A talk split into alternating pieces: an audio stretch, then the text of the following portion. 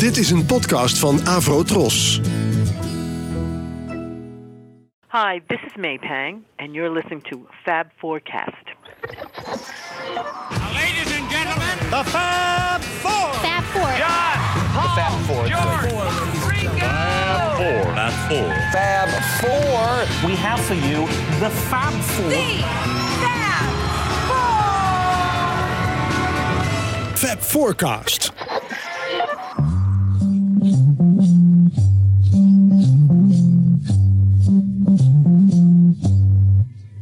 If the rain comes, they run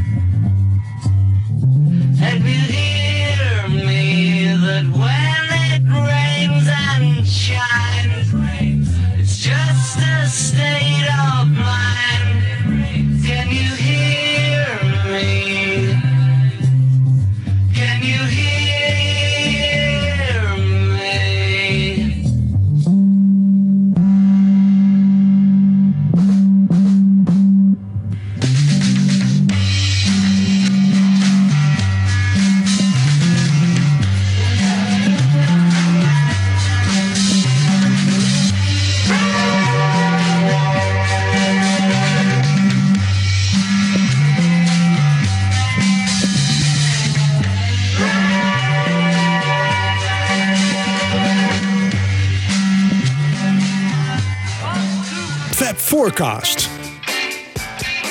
Hallo Fab Forecasters en dit is weer een nieuwe show van eh, het Beatle trio van Nederland, zo kunnen we onszelf al noemen. Mijn naam is Wibo, tegenover mij zitten Jan Kees en Michiel. En eh, je hoorde net Rain, het eigenlijk, ja, hoe noem je dat? De tour de force van het ritme tandem Ringo en Paul. Eh, het voorbeeld van Paul eigenlijk als, als toonaangevende melodieuze rockbassist. En er is iemand die heeft daar een heel boek over geschreven. En dat boek heet The Beatles and Their Revolutionary Bass Player. En het is geschreven door Dennis Olstrand. En die heb ik momenteel aan de telefoon vanuit, jawel, Hawaii. Aloha. Aloha, Dennis. How are you doing? I'm doing great. I, anytime I hear uh, slide or lap steel guitar, I do good. Yeah. Well, we wanted to come to your house uh, on Hawaii to do the interview, but unfortunately our network wouldn't pay for it. Ah, sadly. Is it paradise where you live? Yes. Yes. Yes, it is. Can you I- describe I don't it? live anywhere. I live out in the jungle. In the jungle. Ah, right. So it's uh, that you even have a phone. Wow. Coconut wireless. Uh, before we talk about uh, Paul McCartney's bass playing, uh, can you tell us a little bit about yourself? Oh, I'll be glad to. I, as a bass player, I began playing bass in 1969. Uh, very much under Paul McCartney's influence, and uh, I play keyboards and guitar, bass, th- whatever instrument is needed at the time, and uh, I work with uh, developmentally disabled adults right now. I'm at Goodwill Industries in in Hawaii, and uh, worked for many years at Hewlett Packard, but uh, always have been a musician. Okay, professionally musician or? Never quite. Uh, for a short time, I was professional, and I realized that I didn't really like the the big time. I didn't really like the people up in that level. They're all had uh, some a lot of difficulties, it seemed to me, and I very much enjoyed playing at the lower levels. Okay. Bass isn't a very popular instrument. Why did you choose uh, for bass uh, to, to play? Uh, two reasons. One was my my cousin, who was very influential to me, uh, was a bass player. Uh, actually, three reasons. The second one is because of Paul McCartney being a bass player, and I'm a real fan of Yeah. him. Yeah. The third reason is I've always enjoyed the the guy in the back. Like I'll go see a band and there's a guitar player up front being real flashy, and I'll try to look around that guy and see what those guys in the background are doing. I like those background guys, and the the bass is definitely a background instrument. Yeah. What, what were your first uh, memories of Paul as a bass player? As a young I boy? remember uh, when when Rubber Soul came out that he did that uh, fuzz bass Yeah. on George's song Yeah. Think, think for yourself. Yeah. "Think for Yourself." Uh, and, oh, all my loving. Yeah. that walking bass line is, is so perfect. You know, it may be a, a standard jazz thing to walk on the bass, but it just fits that song perfectly. And I'm in a chorus now that and I play bass for that song, and I just love playing it. Uh, my main thing with with his bass playing is just that he had such fun doing it in the recording studio, and that's what drew me. Yeah. Well, uh, your book is called The Beatles and Their Revolutionary Bass Player. Um, what is so revolutionary about Paul's bass playing that hadn't been done before? Quite a few things, actually. Uh, first of all, uh, he brought he brought the instrument more to the forefront than had been done before. He uh, he used double stops. Uh, I thought that was pretty revolutionary because it filled in you know chords, two stop chords. Uh, he was the first front man who was a bass player that I can think of. I've tried to find someone else, but I think he was the first front man bass player. I think so, And, yeah. uh, yeah, I think so. Uh, and then in the later '60s, you know, Sergeant Pepper days, uh, I think he completely changed the way bass playing is done, the way it's separated sometimes from the rest of the sound, which I thought I found kind of revolutionary. Yeah. And then I think in the White Album, '68, the his attack and his pick style and the, just the way he sounded, that particular album, the, the way he sounded on that album with the instruments that he played, is what I think is the most influential now. I think if you hear a bass playing today, in my opinion, it goes back to the White Album. Yeah, yeah. And well, Paul McCartney, you say he is a, a revolutionary bass player. And uh, what about famous bass players like uh, John Entwistle of the Who or Jack Bruce of Cream? Why aren't Very they more, revolutionary. Why aren't they more revolutionary than Paul? Because I, I, they all are in their own way. Uh, you know, Jack Bruce from the jazz point of view, John Entwistle from a progressive rock point of view was completely revolutionary. yeah, And guys like uh, Chris Squire and Greg Lake, I think, come from John Entwistle. Uh, Paul McCartney more in the pop field. He revolutionized pop bass playing, and that would be more specific. Well, he of course Paul started out as a, a guitarist, and he switched to, to bass because uh, Stuart Sutcliffe left the band, and nobody else wanted to play bass, so Paul uh, did it. um, is the fact that he was a guitarist uh, the main reason that he became such a groundbreaking melodic bass player? That may be true. Uh, you know, I mentioned in, in the book uh, something that to me is fascinating. Uh, this is slightly off the point, but in April of 1961, Stu Sutcliffe, Stu Sutcliffe left, and he was the bass player. Yeah, And so Paul McCartney became the bass player in April of 61. And then by June of 61, what, two months later, they, they did a recording, including Ain't She Sweet and some other songs, and he was already a very good dynamic bass player. So he, he's very quick on the instrument. Uh, I have a feeling that his melodicness may come just not from guitar playing, but more from piano playing. He, he understood a lot of the sides of the wheel of music. yeah. There was the influence of his father, I think, because he played piano at home, right? Yeah, yeah, you're right. Yes. Yeah, yeah, yeah. Well, funny you mention it. I have "Cry for a Shadow" here, uh, waiting to be played. Um, can you explain? great one. it's a great one, yeah. And Paul's bass is very uh, obvious in the mix. Uh, what is so great about his playing in this song? In, in this one, I, I attribute uh, more of a sense of great fun and joy in the bass playing of this song. Also, when it comes to the end of uh, each chorus or refrain, he does a little neat run up the neck that uh, is just real specifically his style. Yeah. In this one, it's most a sense of fun and driving force with the drummer. Well, we're going to find out. This is uh, Cry for a Shadow.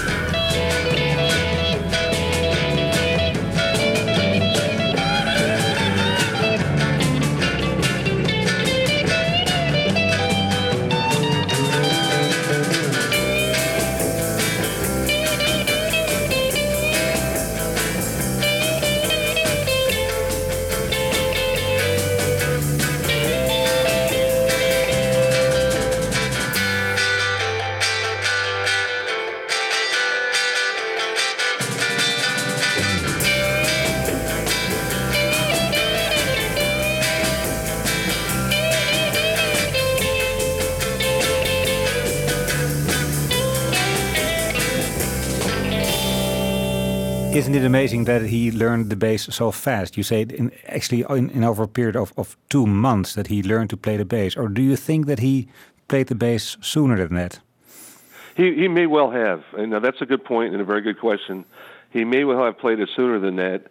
My suspicions are that he was his feelings was that were that Stu Sutcliffe was not a really good bass player, and they had drive to become a really good band. They had drive and brilliance. He may well have done it, but I don't believe he did it with a full focus that he took on once he became the bass player. But that's a very good question. Yes. Mm-hmm. Well, this song was played on his um, uh, recently acquired Hofner violin bass that he bought in Hamburg. Um, yes. Let's hear Paul uh, telling something about that Hofner bass. It's quite a cheap bass. Yeah, it's not an expensive one. That was why I got it originally because uh, I couldn't afford a really expensive one, and uh, I got a little one, and so it was kind of cheap. And then I found it was real lightweight, so that was great, and it really sounded good, so that was great, you know. And then it became kind of very individual. You just kind of get used to a bass, you know, and I really just like to play it. Hey, can I make a guess? Yeah. I've never heard that interview, but from his speaking voice, it sounds like it was 1963. Yeah, it's a very young uh, voice. Yeah.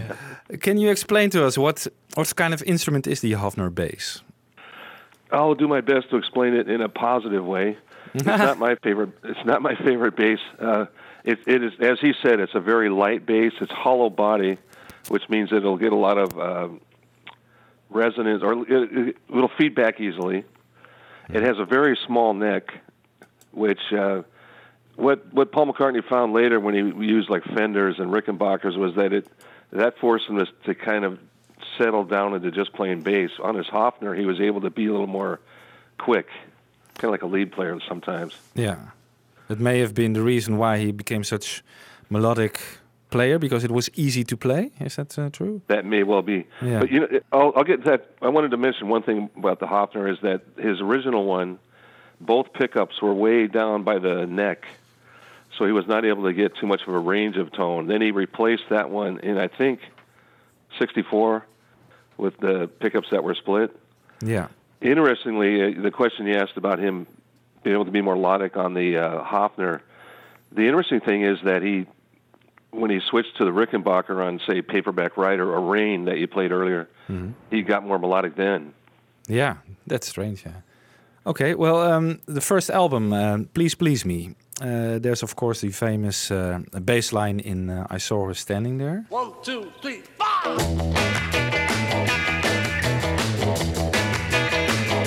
Well, she was just Doom, doom, doom, doom. That one. It's from uh, uh, Chuck Berry's I'm Talking I About You. get shook up every time we meet. I'm talking about you. Nobody but you. Well, we we ask you to pick your five favorite bass lines from Paul, and instead of I Saw Her Standing There, you you chose the song Please Please Me from the same album. Why? Yes. Why? Oh, okay.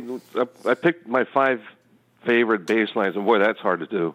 Yeah. But what I, what I like about there's a few things I like about Please Please Me. Uh, before I talk about the bass, I want to say that it was the most important song that they ever recorded.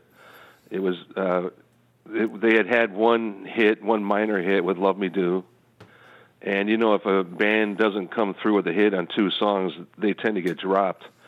So they had to make a fantastic song with "Please Please Me," and with George Martin's help, they did. What I love about Paul McCartney's bass line in this is the way it starts off is just popping eighth notes, bum bum bum bum bum bum bum, Yeah. high. That's not so very melodic or special. It's more drive, a driving bass. Yeah, and what I'm thinking is that they had to have a hit hit record, and he created the perfect bass line that just straight popping, hammering eighth notes for that song. And it's one of the most exciting songs I know of. I just love that song.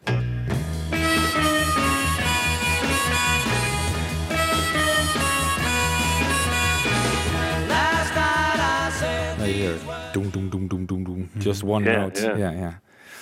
It Well- gives excitement to the song. Yeah, it's it's a pretty exciting song. Yeah. Well, on your what? yeah. I was going to say their story is that they they came in originally with a Roy Orbison feel Yeah, like slow one. Come on, come on. Yeah. and George Martin said, "Rock that up." so they did. Yeah, funny. well, on your website, you uh, say something interesting. Um, you say, I don't think George or John were very good on guitar when they made this album. And in your book, you go a step further and state that the Beatles replaced their best lead guitarist and made him a bass player. I've, I've taken a lot of heat for that. yeah, have you received any death threats uh, from the Beatle community already?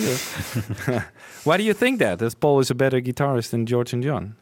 I, I'd like to qualify that. I'd like to qualify that. I think he was a better lead guitarist than George or John. Okay. Uh, if you listen to their, if you're able to I, to isolate just the instrumentation, uh, what what John and George play many times is it just works. You know, it just works for the song, right? Mm-hmm. But as far as being good lead players, lead guitar players, I don't believe that they were. I think George became one.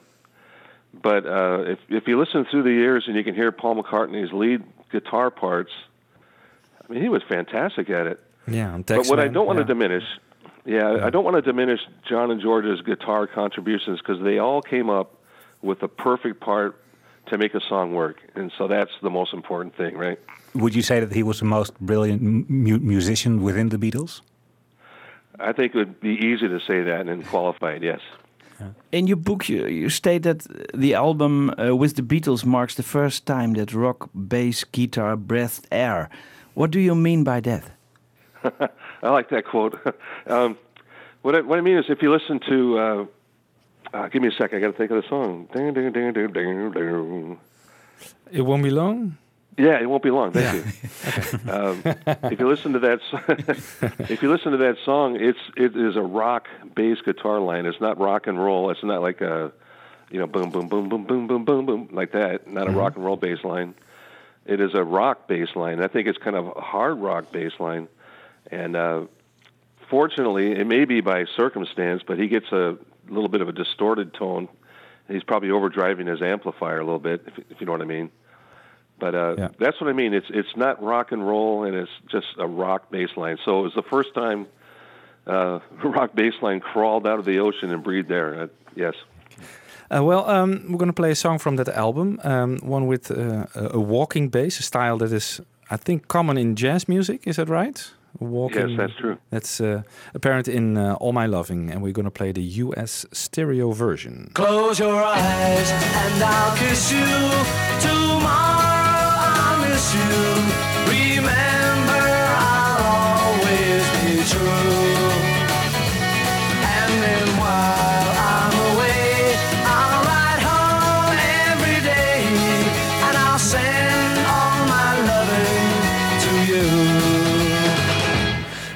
Pretend that I'm kissing the lips I am missing and hope that my dreams will come true. And then while I'm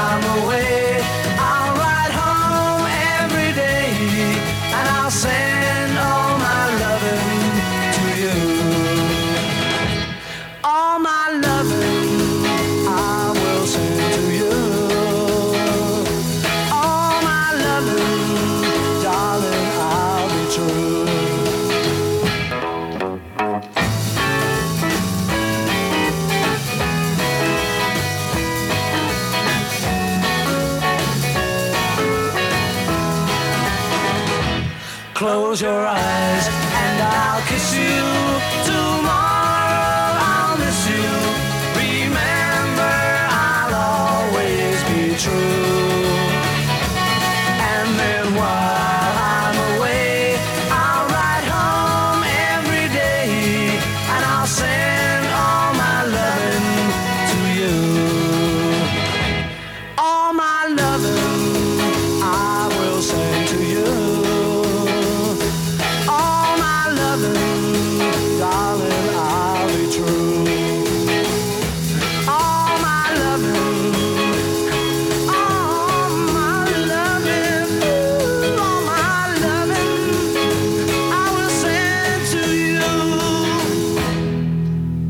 interesting you would play that right after I mentioned about John Lennon because he plays fantastic triplets on there. John does a great job. Yeah, he does.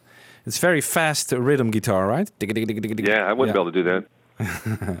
Well, I play the US version because um, uh, the bass on early Beatles recordings is uh, known for the relatively low bass volume, especially if you compare it eh, to the bass level on American records like Motown. They always wanted that sound, but they couldn't get it. Uh, why Uh-huh. was that?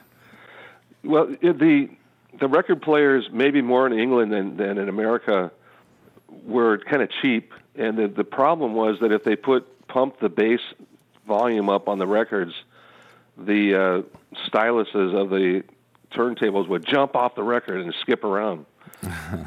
Okay. They had little little tiny record players, I guess. We maybe we had better ones here But- by then. Was it true, or was it uh, was was only EMI very scared for that? Maybe.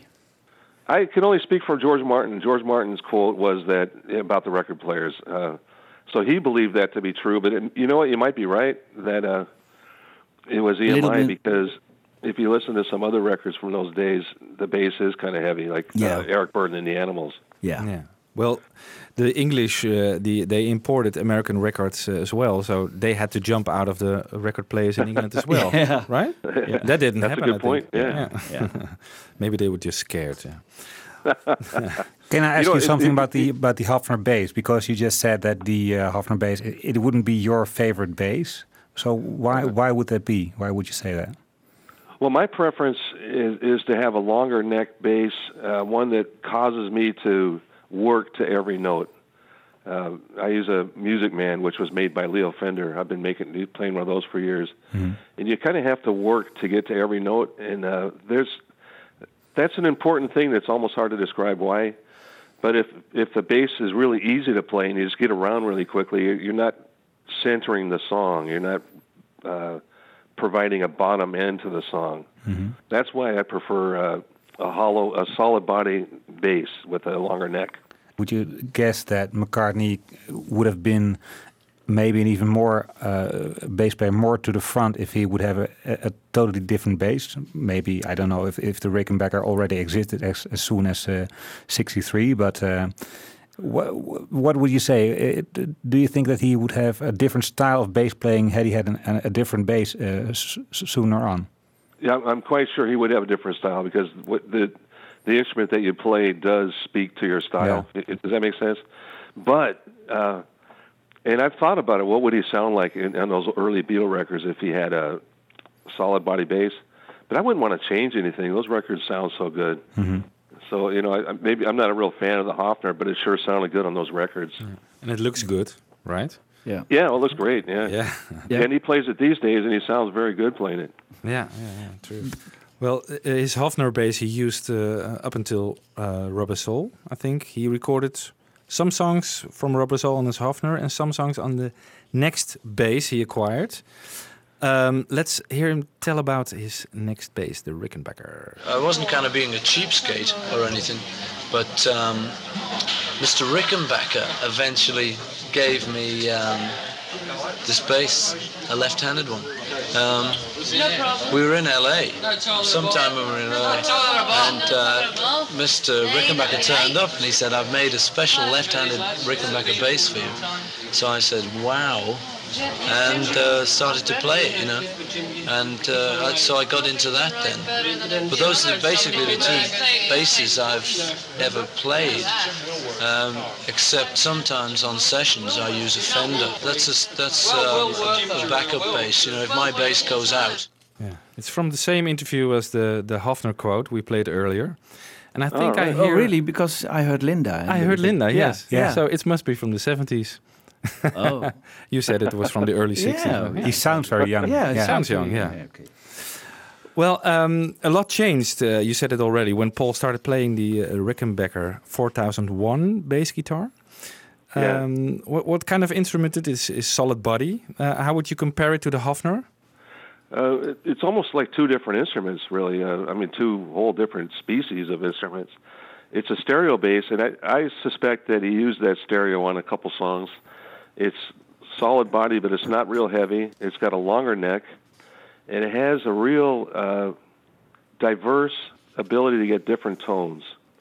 Uh, for example, if you listen to Yes and Chris Squire, he uses a Rickenbacker with a very trebly tone uh, with round wound strings. Paul McCartney used flat wound strings, which are less ringy and less trebly. Uh, So with with the low. pickups that the Rickenbacker uses, it allows them to get a lot of more low end and a lot more high end. So the sound spectrum is much uh, more diverse. Yeah. Well, um, at the beginning of the show, we played a, a Rain, uh, which the new instrument is is apparent. It's a, whole new bass sound, also on paperback writer. Um, but uh, a new guitar is not the only reason uh, why the bass suddenly sounded so different. But it was also uh, a new recording technique by Geoff Emerick. Is that right? Yes. Uh, Can you explain what he did?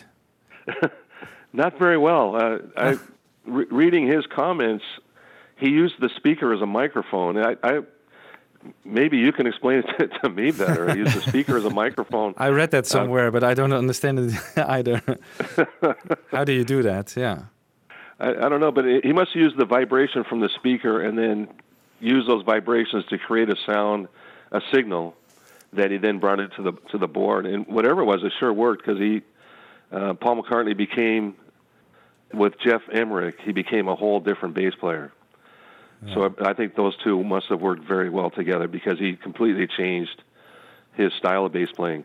I, I think there's some reasons for that. By 1966, the two guys that you had mentioned earlier, John Entwistle and Jack Bruce, were becoming prominent in the in the London scene, and they were very experimental uh, bass players. And I think McCartney was the kind of man who wouldn't let that go unanswered. Yeah.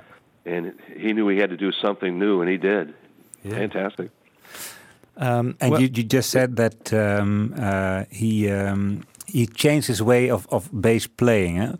Wh- What would you say is the essence of his new style when he when he uh, leaves the Hofner bass and goes off to the uh, the Fender and the Rickenbacker?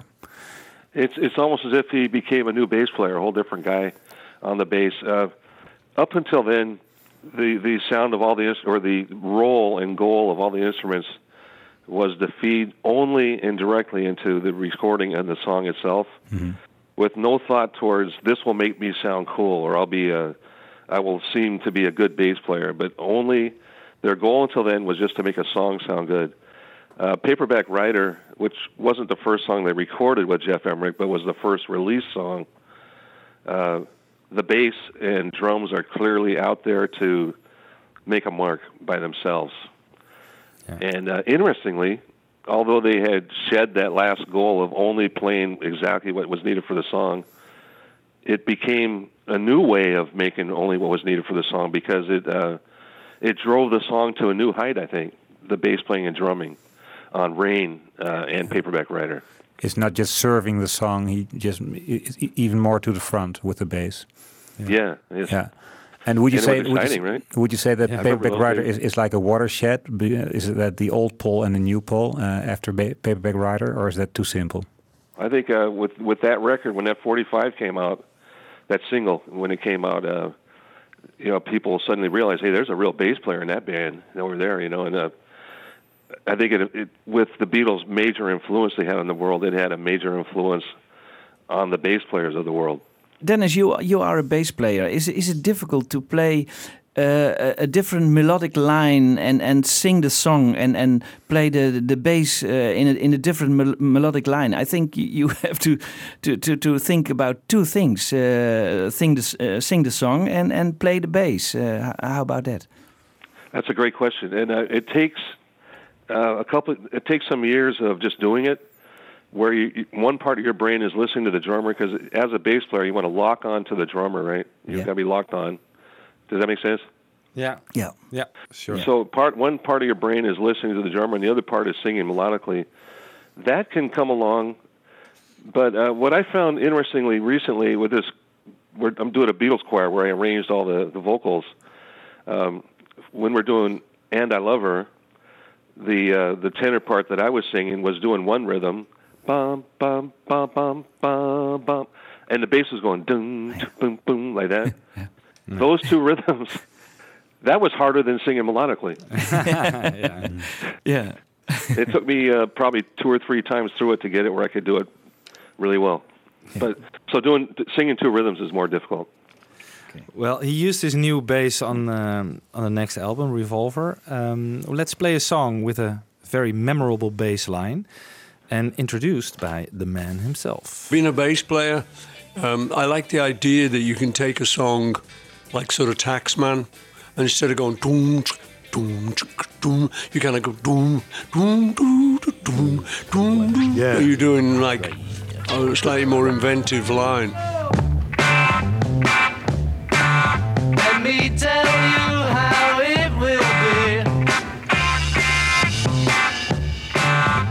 One for you, 19 for me.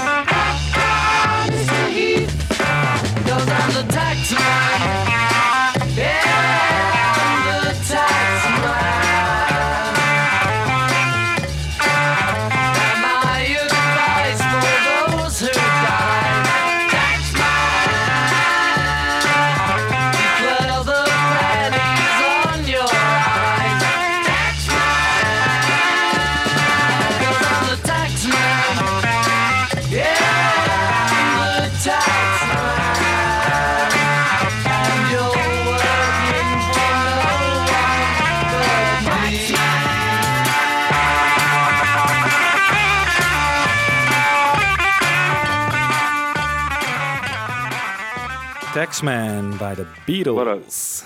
yeah. what a fantastic song that is by all concerned, everyone who plays on it. Yeah. You make such an ex extensive analysis of the song. Why did you pick this this song? Well, what what I found myself doing each time I would uh, in the book I talk about say five or six songs from each album and I try to discuss the instrumentation. I found myself so that I could describe it in order to to describe the music, I found myself listening very closely to the instrumentation and how it changed and evolved over the song. And Taxman was such a case. I'd never noticed before how each instrument, each time there's a verse, something new happens. Uh, it might be a different guitar part, or maybe the cowbell comes in, yeah. or the bass plays a different line, that kind of thing. Tambourine. So I thought it was worthy of a lot of discussion. And yeah. and Paul played the lead guitar. Yeah. Oh, killer, huh? Yeah, incredible if, guitar if, solo. Yeah. Yeah. Maybe because yeah, if you had to make a, uh, maybe be, if you had to make George an argument couldn't. for uh, Paul being a really good lead guitar Yeah. player, there's Yeah. There's your argument. Yeah. Yeah, because George Yeah. couldn't do it. right. yeah. Yeah. Well, let me show you how to do it. Yeah. Yeah, I wonder if it was like that. Let me show you how to do it, and they just decided to leave it like that. You know. Yeah, maybe. oh yeah. Well, this this bass riff was later famously borrowed by uh, the Jam. Do you know the Jam? No, I don't recognize that. Uh, It's an English what song that uh, would be? It's an English band. They used it in the song "Start." It was quite a big hit in England. It was also played on a, a Rickenbacker, by the way. This is a fragment. All of right. it. oh yeah. Wow. It's not too important for you to know my name, nor I to know It's by uh, the the first band of Paul Weller. Do you know Paul Weller? I, I don't. No. Oh, I don't. Okay. Now, yeah, he's popular in Europe, but not in America so much. um, well, on to your second favorite McCartney bass line. Um, it's from this section in Lovely Rita.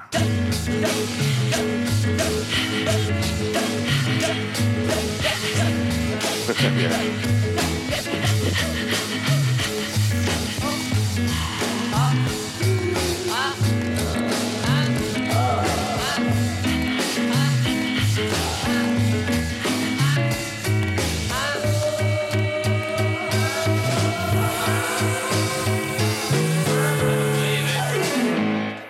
Well, explain why this particular fragment.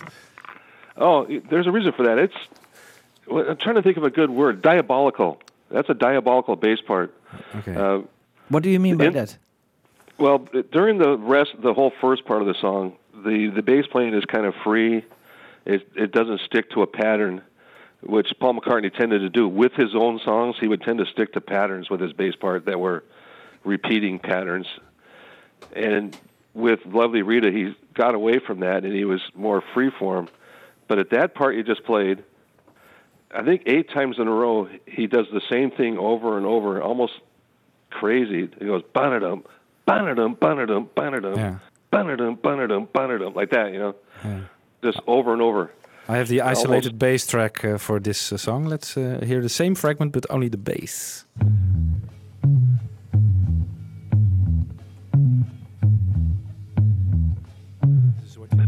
Banadum, banadum, banadum. Yeah, This is what you mean. Uh, doo-doo-doo. yeah. Doo-doo-doo. Yeah. Diabolic. Yeah. Now, yeah, if you heard that over and over throughout a whole song, you'd probably get nuts, you know. yeah. yeah.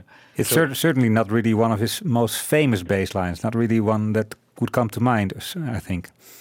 Yeah, I wanted to pick some some a couple things that weren't like everyone would pick "Come Together," and I I did a poll after you asked me that, and everyone had "Come Together" on their list.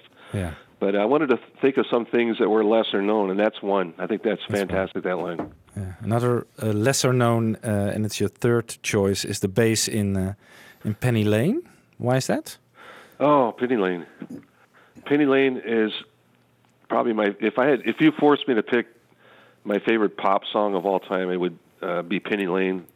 The recording of that, um, the piano parts, the uh, all the instrumentation, and the, the fact that John and Paul work so well together on the recording. But the bass part drives that song right from even before the song starts when it goes ba da da boom boom boom boom boom. Yeah. It walks in with that kind of jaunty way, almost as if he's walking down the street with wearing a bowler hat. You know. Yeah, yeah. Penny Lane, there is a barber showing photographs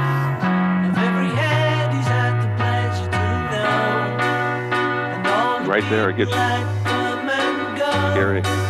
Stop and say hello. On the corner is a bank of Yeah. That that walking bass, it kind of became a trademark for McCartney. I- was it something that he invented, or were there were there other basses who were doing the same thing?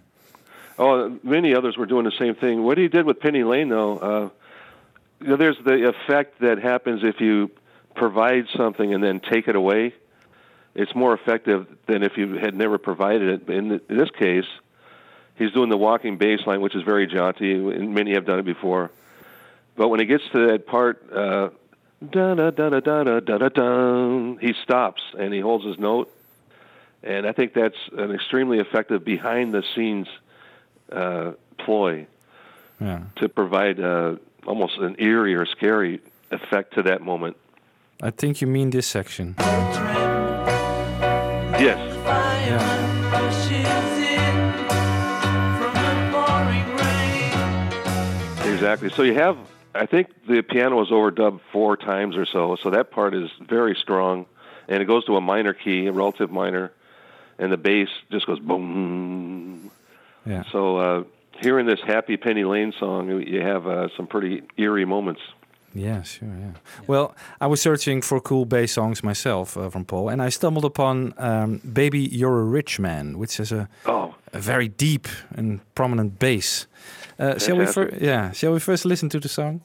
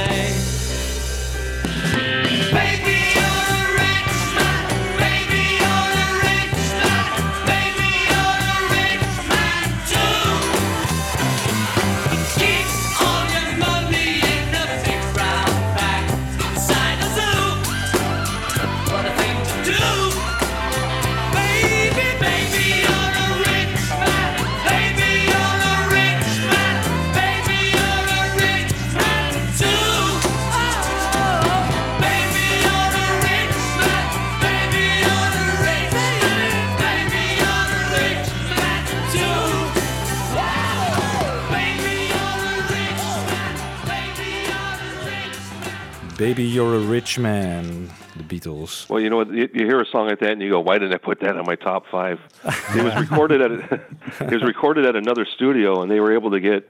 And this might go along with what you said earlier about EMI.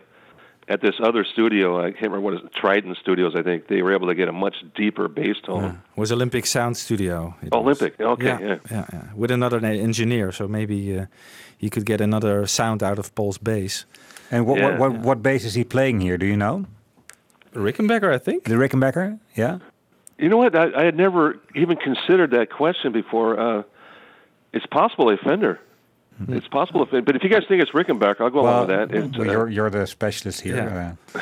uh, Uh, you're the special, but can you explain the difference between a Fender and a Rickenbacker? Yeah, I'll be glad to. Uh, a Fender doesn't have as wide a range of tone as a Rickenbacker, uh, but it can go deeper in, in tone, which is why I kind of lean towards that possibility. yeah. Uh, and there's a whole different tone to it, and it's you, ca- it's hard to describe tone in words. Uh, but if you listen to the bass part and say, uh, "While my guitar gently weeps," that was his Fender, so you can hear what tone he used with that. But then Paperback Writer is a distinctly Rickenbacker, so there's you can hear the tone difference, tonal difference. Yeah. Well, you mentioned "While My Guitar Gently Weeps." It was one of your uh, favorite bass lines. Uh, Yes. Let's hear a fragment. look at the world and I notice it's. Almost like an electro guitar. Electric guitar. It's it's very prominent. Very. Is a Fender also um, a little bit more high end than a Rickenbacker? I wouldn't say high end, but its high end is different than the Rickenbacker. It's uh, it's not as ringy. Or, but in that case, in that case right there of While My Guitar, you guys get me all excited listening to these songs. Thank you, by the way. I'm all worked up. Um, the the bass part on that is so heavy and driven. Yeah. I think George wrote an excellent song, but Yeah. that the Beatles made it a fantastic song. Yeah. Well, let, let me work you uh, up more a bit. This is the isolated bass on While My Guitar. All right.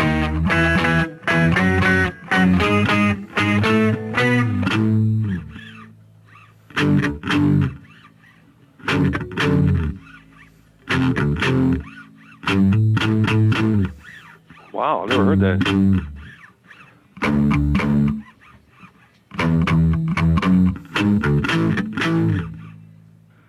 Like a distorted uh, You know, electric it's very distorted. You know what's also interesting? Whenever you hear McCartney's bass isolated, Yeah. he has all these little things that bass players aren't supposed to do. You, when he goes bum bum, you hear his fingers going up and down Yeah, the neck. yeah. Get lost, That's like uh, lost in taboo, the mix. man. Yeah. Ah, you don't hear it in the mix, right? Why is it taboo? No, you, you never do. Well, I wonder if they uh, would in the mix keep turning down the bass and then back up again or something like that. I don't know about that. Maybe. I Maybe. have no idea, but I loved listening to that. That was pretty cool to hear. Yeah. The- But by by the way, Dennis, who was a better bass player, John or George? Oh, as far as technique goes, George. Yeah. I think you have to hand it to that for Old Brown Shoe. Yeah. d- Did he have a, his own bass guitar? Yeah, he had a Fender. Uh, Ah. I've seen a picture of, of him with a Fender. Yes, Yeah. it was a six string, I think. Oh. And he plays bass on Old Brown Shoe, you say? Yeah. Oh, that. I I used to go listen to Paul's bass playing on Old Yeah. Brown Shoe. This is incredible, you know. Yeah. then I found it was George, and George also on um, uh, Golden Slumbers. Okay. Oh. Oh yeah. Yeah. Yeah. Yeah. That's true. And that Jo- out of tune, boom, boom, boom, boom, kind of thing. and John? John on uh, Helter Skelter Yeah. and Long and Winding Road. Across the Universe. Yeah. Those are nice. I mean, he, he does he does well. But Yeah. he, he completely messed up uh, the long and winding road. Yeah. Yeah. Yeah. As a bass guitarist. Yeah. Yeah. Yeah. yeah. That's true. Okay. Well, uh, your fifth and last favorite bass song is uh, "Come Together." We mentioned it earlier. Um, you brought in two segments. Uh, first, the intro.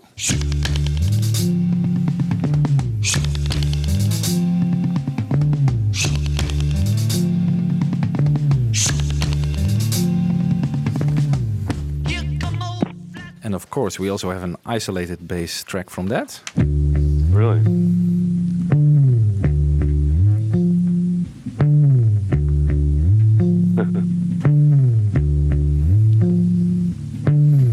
yeah, very groovy.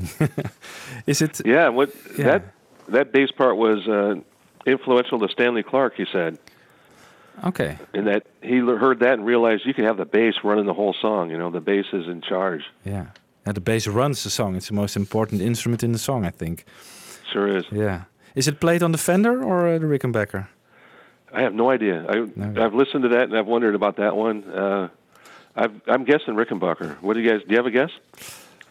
Mm, I think the Rickenbacker also because it's um, a more clean sound or something. Because when you hear uh, "While My Guitar," it's a very dirty sound, but it can also be uh, because the distortion is um, uh, the volume is more loud. But I think it's In, Rickenbacker. in, because- in 1968, when they did While My Guitar, they they found out that they had enough power to uh, get the engineers to let the guitars and basses overdrive the uh, recording unit, yeah. which you couldn't do these days. But that, they found out that you could do that, and so I think they allowed that to happen. Yeah.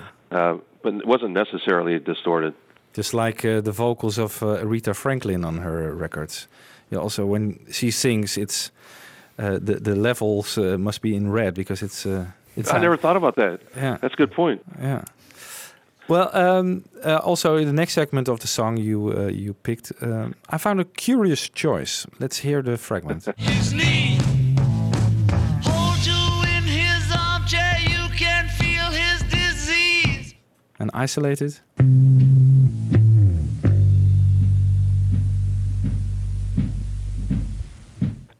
Well, what's so special about this? it's it's a it's a seemingly minor detail, but in the bass player world, it's a it's a major thing. I couldn't hear it on the phone very well, but um, He stops playing, right? He lets the tone die out. where the band stops and he holds the note out. Yeah. It, one of the most important things in recording bass is how long you hold a note, and uh, that where he holds that note out there just grips me personally. Maybe just as a bass player, Yeah. In a, in a major way. It, it comes out and the bass is holding that note, and then just stops. It's a little thing, but to me a big thing. Does it, does that was that explained uh, in a good way? Yeah, well, maybe you can say that um, uh, you uh, add to the song by not playing something, right? You can uh, play the song. well, in this case, he holds the note out, and that's Yeah. the important part. Yeah. Why I, why I picked that. Okay. Are there any Paul McCartney bass parts that you can't play that are just too difficult or too uh, too, hard- too hard to play? Uh, yes, but it's not a Beatle part. It's on uh, Soily on the Wings Over America. Okay. Oh yeah. Yeah. Now we will There's come to that where- later. where Okay. Sorry, we'll, what? we'll we'll keep that. We'll keep we it in mind. come to that later. Yeah. Okay. Okay. First, um, uh, you say in your book that uh, Paul's bass playing is different on John and George uh, songs than on his own songs. You, you mentioned it earlier. Uh, can you elaborate on that? Oh yeah, thanks for asking about that. Uh, yeah, that's it's a real important thing I think because uh, John Lennon, in his Playboy interview, uh, lamented that Paul McCartney seemed to be more loose when it was his song, when it was John's song, versus a Paul song, and uh, I think instead it's a very good thing on Paul McCartney's own songs. If you listen to his bass playing and his piano playing and guitar, they're very controlled generally. Um, you know, controlled, tight playing uh, that just fits the part. But when a George or John song came along, like uh, "Come Together," "Here Comes the Sun," something, "While My Guitar Gently Weeps," uh, the bass becomes fun and uh, maybe a little experimental, Yeah. but a vibrant part of the song. He really does his best to infuse uh, power and fun into their songs. I think it's a great thing. Yeah. Why didn't Which he he do did that? it to his own songs more. Yeah. Yeah. Why didn't he do that on his own songs more? You think? He he's he's talked about that, and I, I finally found an interview where he referred to that, and I was pretty excited because uh, I've often noticed this, and he just said that for his own songs, he was thinking about everything. Mhm. Who's gonna, what the drums going to be, what are the bass going to be. He thought about everything, and he it wasn't in him apparently to just cut loose on his own songs. He wanted to control them.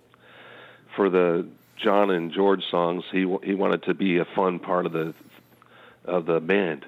Yeah, but it, it, is really re- remarkable because uh, we talked about so many George songs already. Think for yourself, uh, Taxman, While My Guitar Gently Weeps, something. Yeah. He makes kind of makes those songs uh, happen, uh, don't don't you think? Uh, yes, I do. I really do. I think that uh, he was a vital part for George's songs and the Beatles, and I I've gotten a lot of flack for saying that from real George fans. But I love George's songs. It's just that what a lucky guy he was to have Paul McCartney in the studio with him. Yeah. Well, unfortunately, after this album, uh, Abbey Road, the Beatles break up. Each member Yeah. starts a solo career. And Paul can now only play bass on his own songs, and therefore his playing is less revolutionary than in his Beatle days. Would you agree with that? I hadn't thought about it, but you're right. Other than uh, again, Wings Over America, Yeah. he was he was cut loose on that album. Yeah, well, there are some exceptions, of course. Uh, um, he uses his uh, Rickenbacker bass, uh, and just like the Hofner bass uh, is the Beatle bass, the Rickenbacker becomes the Wings bass.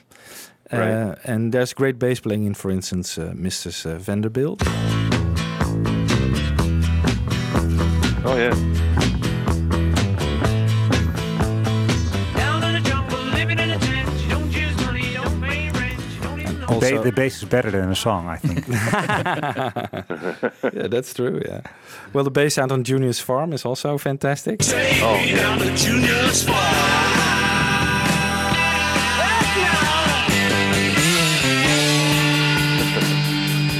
Almost out of tune. Uh, but it's more the sound on this song that uh, grabs me instead of uh, his his lines. It's just the, the low boom boom boom boom boom. That's really driving the song, just like "Please Please Me," uh, the bass part in that. And there's also uh, fantastic bass playing on. Uh, you mentioned it, uh, "Wings Over America," the live album, uh, a short compilation.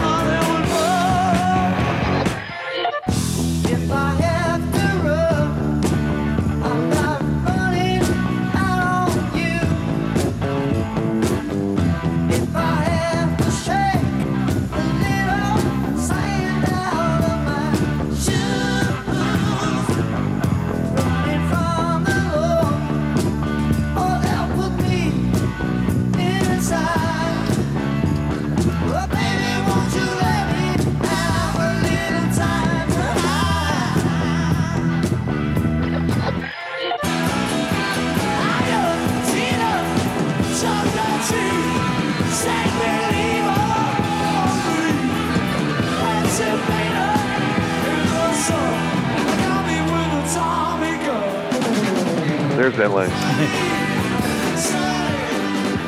Yeah. What about that line? That's the one I can't do. Difficult. you can do. Yeah. Does he play live the same bass parts as on the record? Yeah, on, I saw Wings Over America in uh, in uh, San Francisco. He had a Rickenbacker, and it was He, d- just he doesn't me over. improvise during playing live on bass. I'm not sure. Uh, it seems like he stays relatively close to his songs. Uh, Yeah. Yeah. I don't really know. Uh, I've, I've seen him four times. I can't say that I hear him improvising a whole lot. No. No. Is You know what I ba- got to mention? Uh, have you heard the concept of, uh, or are you aware of the concept of playing behind the beat or ahead of the beat? Can you like, uh, for it? example, if there's uh, the drummer's playing a particular beat, and if you rush it just a little bit, you stay on the beat, but you're rushing it and pushing it. That's ahead of the beat. But if you uh, fall behind the beat a little bit, well, you're still on the beat, but not pushing it. That's playing behind the beat, and Duck Dunn was uh, good at that. On Rock Show that you played a minute ago, he's behind the beat, which is really interesting to me because he's playing a very solid, lazy bass part, which is fantastic. But he's doing it with like 50,000 people all screaming in his face. I don't know how he did it. and singing at the same time as well. yeah, yeah, Yeah. singing at the same time. Yeah, yeah, yeah. Would you say that his bass playing here is uh, up to par with his Beatles uh, bass work? Uh, uh, Wings Over America, Yeah. it's my favorite. It, it is. Okay. If he, if I had to pick one, th- as far as just playing style and playing with the band and uh, what he adapts to the songs, I think it's his best. I mean, I love the Beatles bass playing, but I love Wings Over America just a little bit more. His, his bass playing on that influenced me in a very big way. That's just my opinion, though. Yeah. Do you know of any any famous bassists who ever said that that, that Paul McCartney's Wings uh, bass playing was even more influential on them uh, instead of the Beatles? You don't I often, may be the you- only guy in, yeah. in history that has said that. you don't often hear people saying, "Oh, I was so influenced by M- Macca's Wings uh, bass playing." No. I've never heard it. No, other other than me. Well, uh, this bass sound is also uh, uh, prominent in probably Paul's most famous solo bass song. That's uh, in Silly Love Songs. Um, Oh, yeah. Let's listen to a, a special mix of that song with bass, drums, and vocals.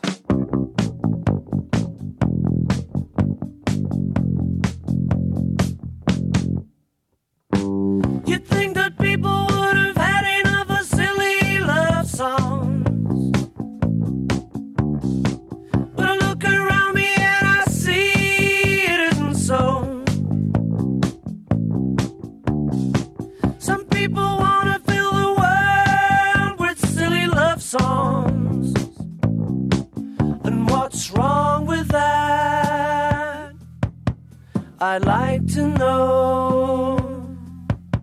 Cause here I go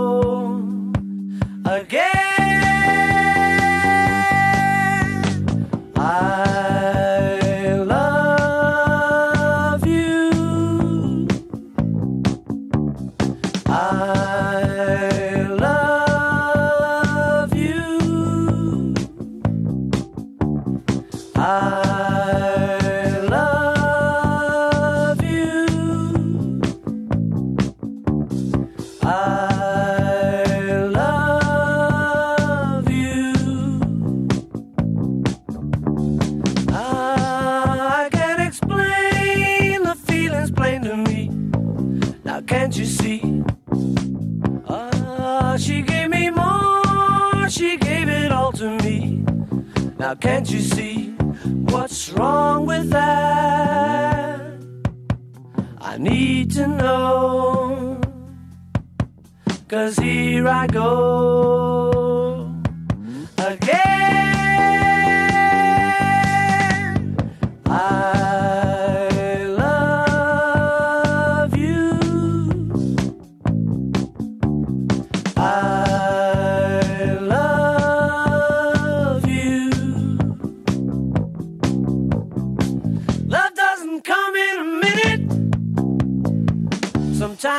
Doesn't come at.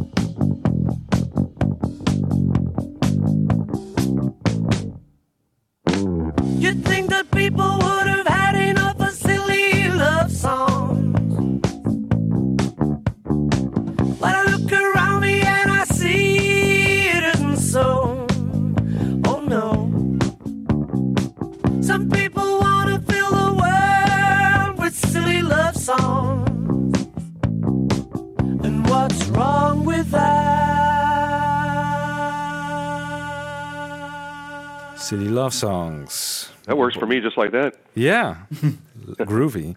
Wasn't this bass sound also the sound of the mid 70s? Because the bass is also very prominent in, for instance, disco music. Yes. Yeah. disco and funk became, and as a bass player playing in bands in those days, those were fun days.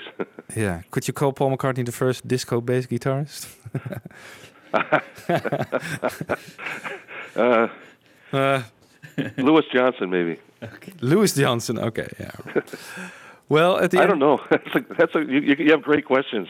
Um, well, at the end of the 70s, uh, Paul switches to a, a Yamaha bass guitar, uh, which can be heard on the song Good Night Tonight.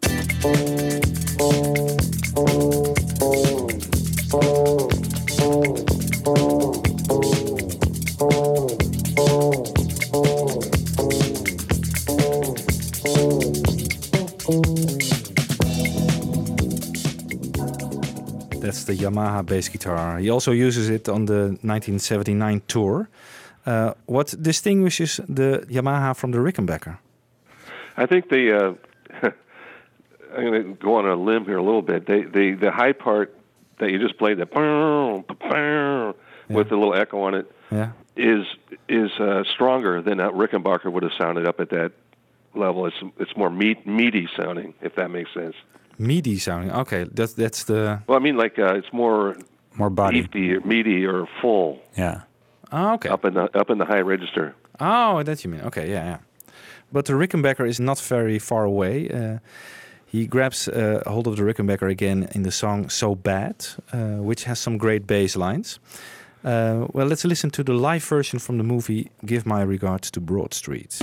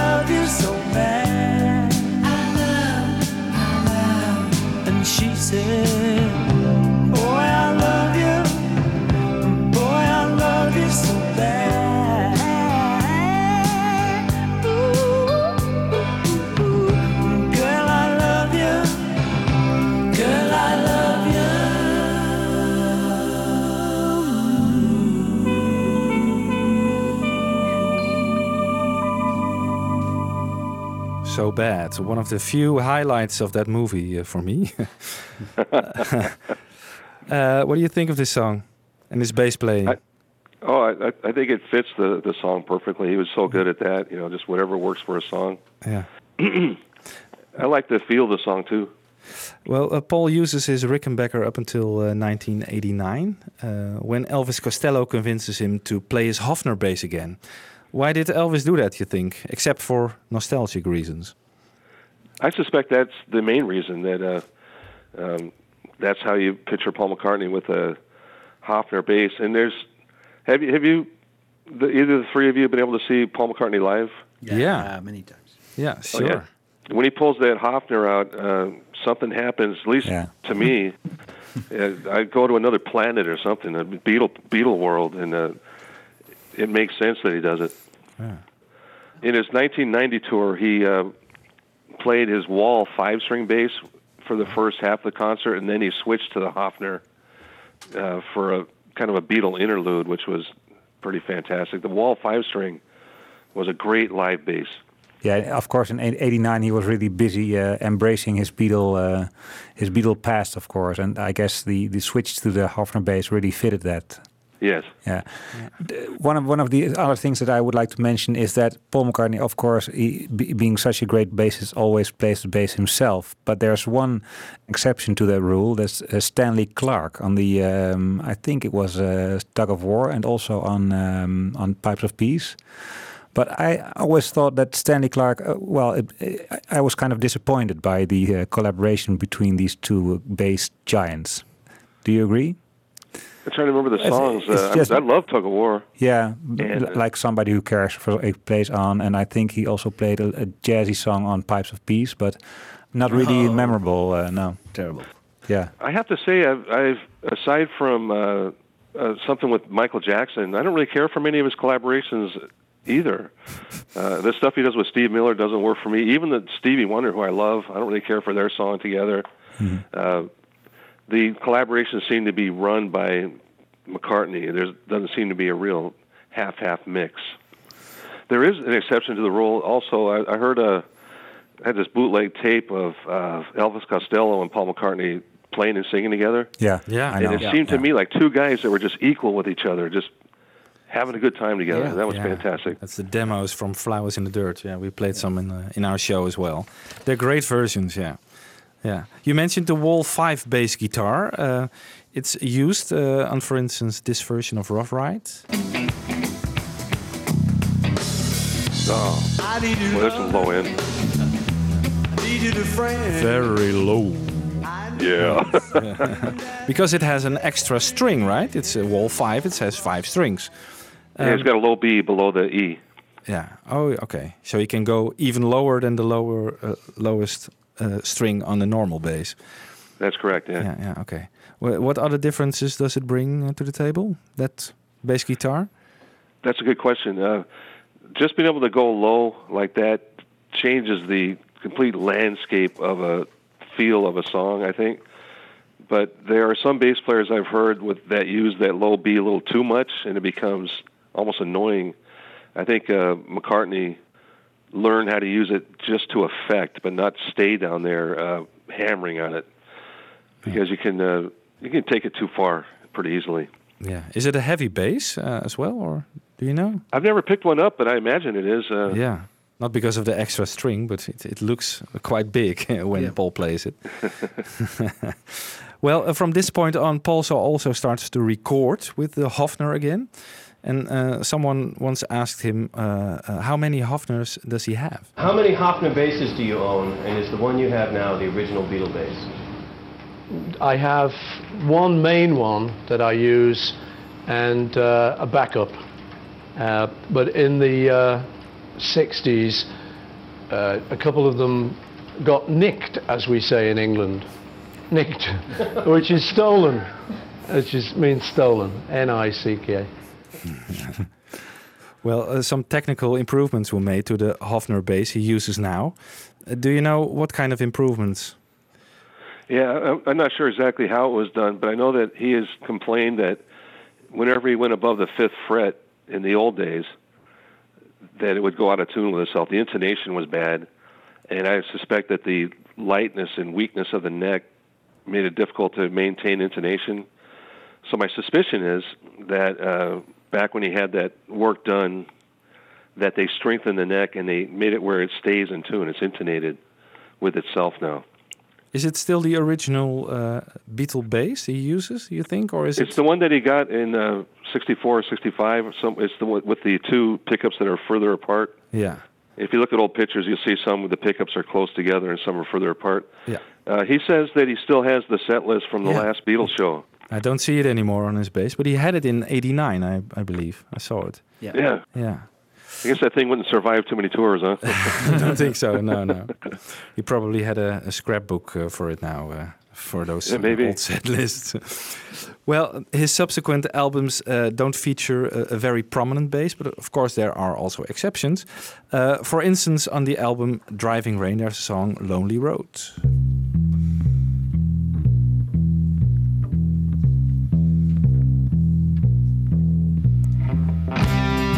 Tried to get over you.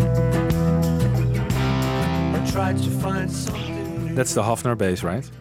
I'm getting a lesson from you on his solo days here. This is great. yeah, well, it's not very uh, prominently in your in your book because uh, it's it uh, focuses on the Beatle uh, years. But Right. uh, we also wanted to uh, include his solo career because there are some great bass uh, parts as well. You all, yeah, you all uh, included Wings Over America, of course, but uh, and you mentioned on your website I saw uh, Driving Rain as a, a great bass album. Right. Yeah. Well, also on the album uh, Memory Almost Full, there's a, a track called um, "See Your Sunshine." You know that song? I don't know. You don't know. Well, it uh, Paul tells something about his bass playing on this song. When it came to put bass on it, I did a fairly straightforward bass track. Kept it kind of quite straightforward. And then um, I was actually just messing around because I thought, well, I've done that, I've covered that. You know, if, if that's to be the bass track, I've done it. So just for my own pleasure, I started goofing around, kind of doom, doom, doom, doom, doom, doom, doom, doing playing way too much, I thought. Just totally going over the top. And I just joked with the producer at the end of that take. I said, Whoa, I said, that was way over the top. He said, No, no, he said, That's great. He said, Do another take like that. He said, That's I think that's exactly what the song needs. So that was dangerous, you know. So I said, Right, here we go. So I just pulled out every lick in the book, you know, and just had fun just playing way over the top. But when I listened back, it, it kind of all seemed to make sense. You know, I was going where I wouldn't normally go, and if I might normally sort of do it, dum, dum, dum, dum, dum, I'd be going dum, dum, dum, dum, dum, dum, dum, dum, dum, dum, throwing in like all notes that I didn't think you needed. But somehow it, it fitted, and it kind of lifted the song. So I think I only did two takes mad like that, but those are the ones we used. Yeah. You know what I wish? I wish Paul McCartney would use other producers more often. Yeah. And it had some sway over him. Yeah. That he brings something new to the table and say, Paul, Yeah. Do that. He doesn't get out of his uh, comfort zone when he uh, works with the same people, and all the people say, "Oh, Paul, you're great. You're, you're always right." That's, yeah, that's that's why. Absolutely. Yeah, that's why Nigel Godrich's uh, was was such a good producer for him, because he said, "No, Paul, that's not not a good song. Go back." I think even George Martin had a hard time uh, telling him what to do. yeah. Yeah. Well, let's listen to "See Your Sunshine" from Memory Almost Full.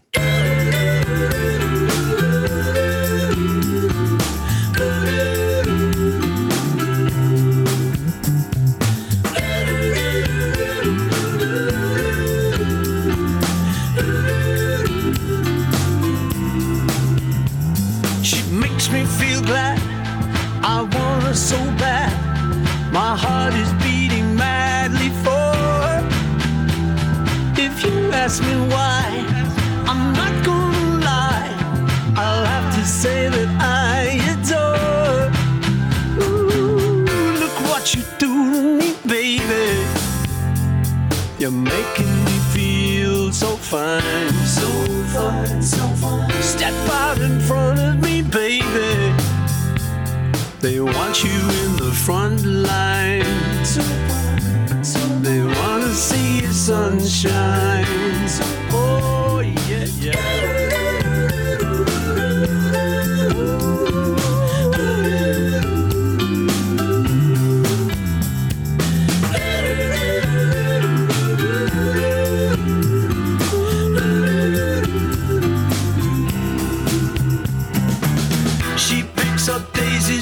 She loves to weave them in her hair.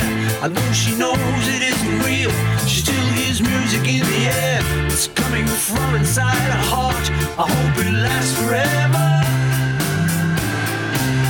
The sun is shining in the sky. She wants to dance around the world. And though I'd love to be the guy that gets to walk off with the girl, I'll go along with all she needs, and it will be my pleasure.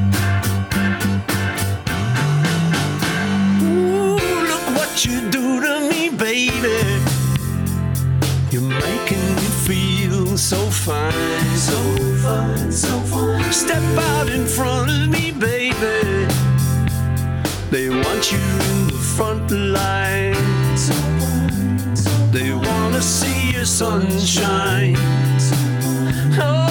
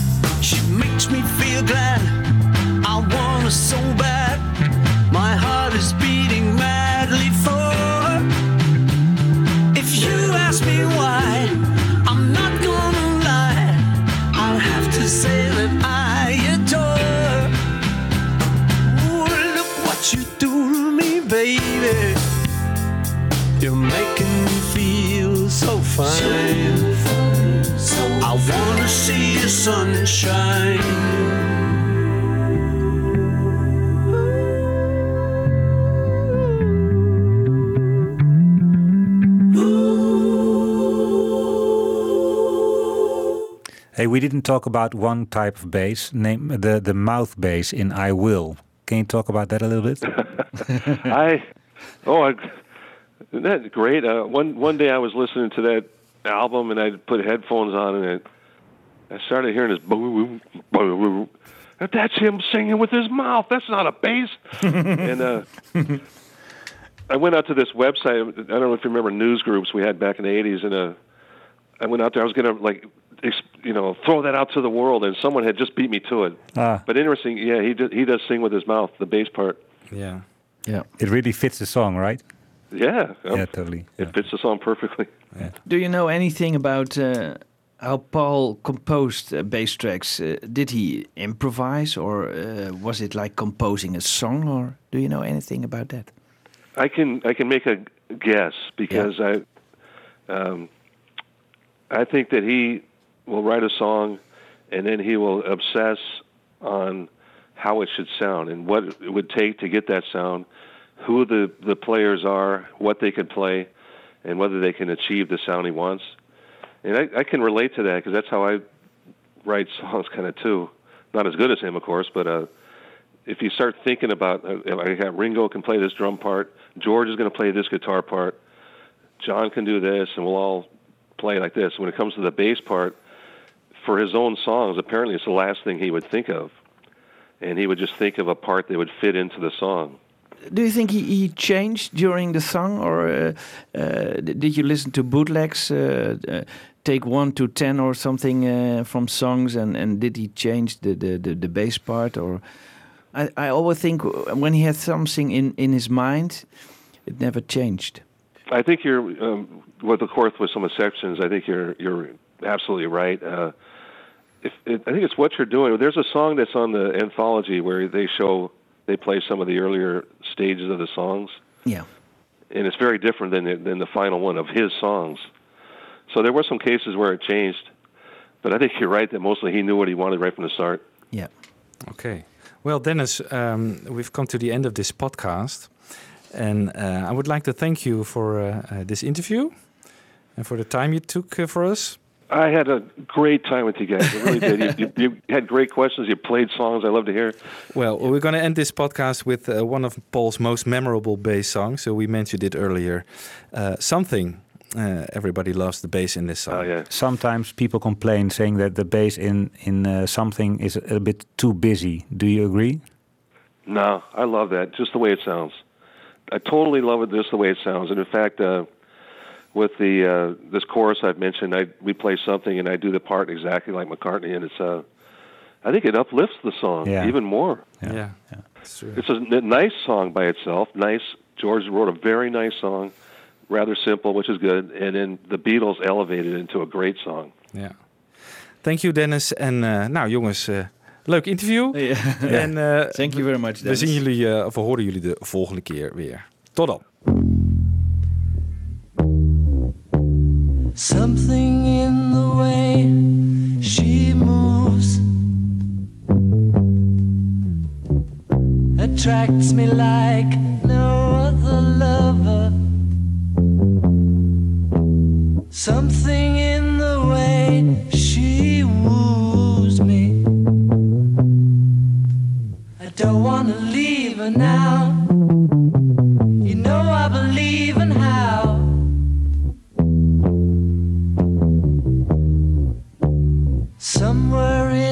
Smile,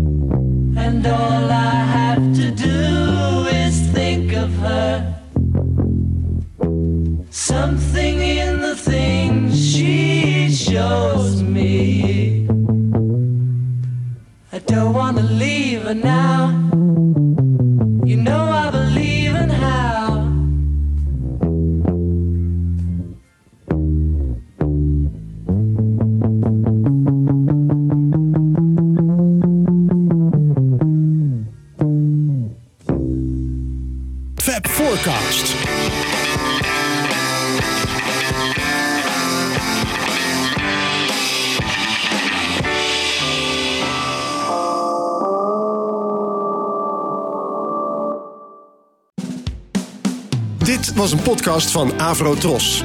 Wij maken tientallen podcasts per week. Van klassiek tot pop, van actueel tot archief, van reguliere radioshows tot speciaal voor podcast gemaakte programma's. Kijk voor meer podcasts op avrotros.nl.